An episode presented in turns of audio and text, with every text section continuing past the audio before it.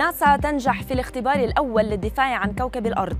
القاهرة تعلق على غزو البورصة المصري لجنوب إسرائيل.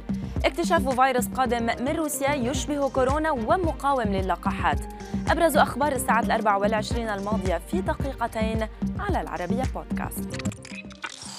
في إنجاز تاريخي أعلنت وكالة الفضاء ناسا نجاح مسبار فضائي تابع لها ويسمى دارت في الاصطدام عمدا بكويكب على بعد 11 مليون كيلومتر عن الأرض في أول اختبار للبشرية للدفاع عن كوكبنا.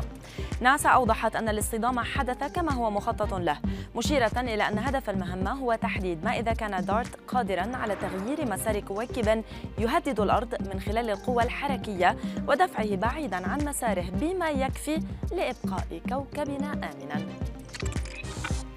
في الأردن أيدت محكمة التمييز حكم محكمة الجنايات الكبرى بالأشغال الشاقة المؤقتة مدة عشر سنوات على فتاة قتلت جدتها وأصابت والديها وشقيقها وشقيقتيها عبر تسميمهم بمبيد حشري.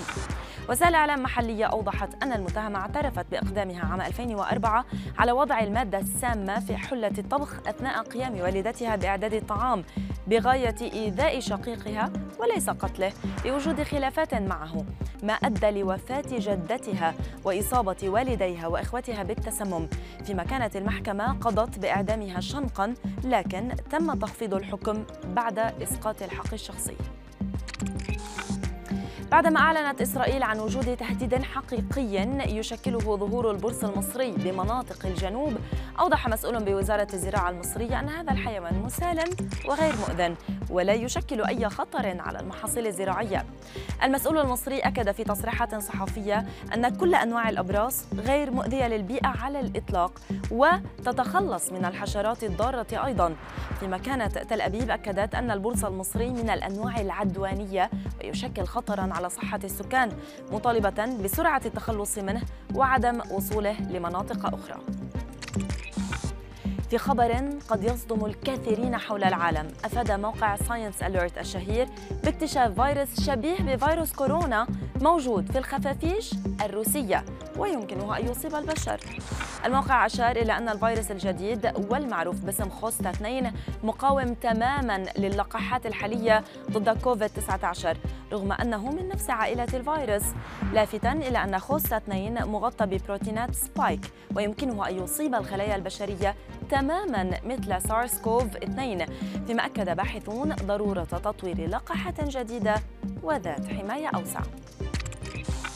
وفي خبرنا الأخير تحولت حياة مواطن هندي إلى جحيم بعد فوزه بثلاثة ملايين دولار في مسابقة اليانصيب.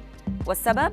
ملاحقة الناس له طلبا للمساعدة صحيفة The Times البريطانية أوضحت أن الرجل كان مدينا بأموال كثيرة قبل أن يفوز باليانصيب الأسبوع الماضي مشيرة إلى أن حشودا ضخمة من الغرباء والأقارب حاصروا منزله لطلب المال حتى أن البعض منهم اعتدى عليه في الطريق فيما يتطلع الرجل المليونير إلى الرحيل عن بلده دون عودة قائلا إنه يشعر بالضيق الشديد لما يحدث معه ومع عائلته.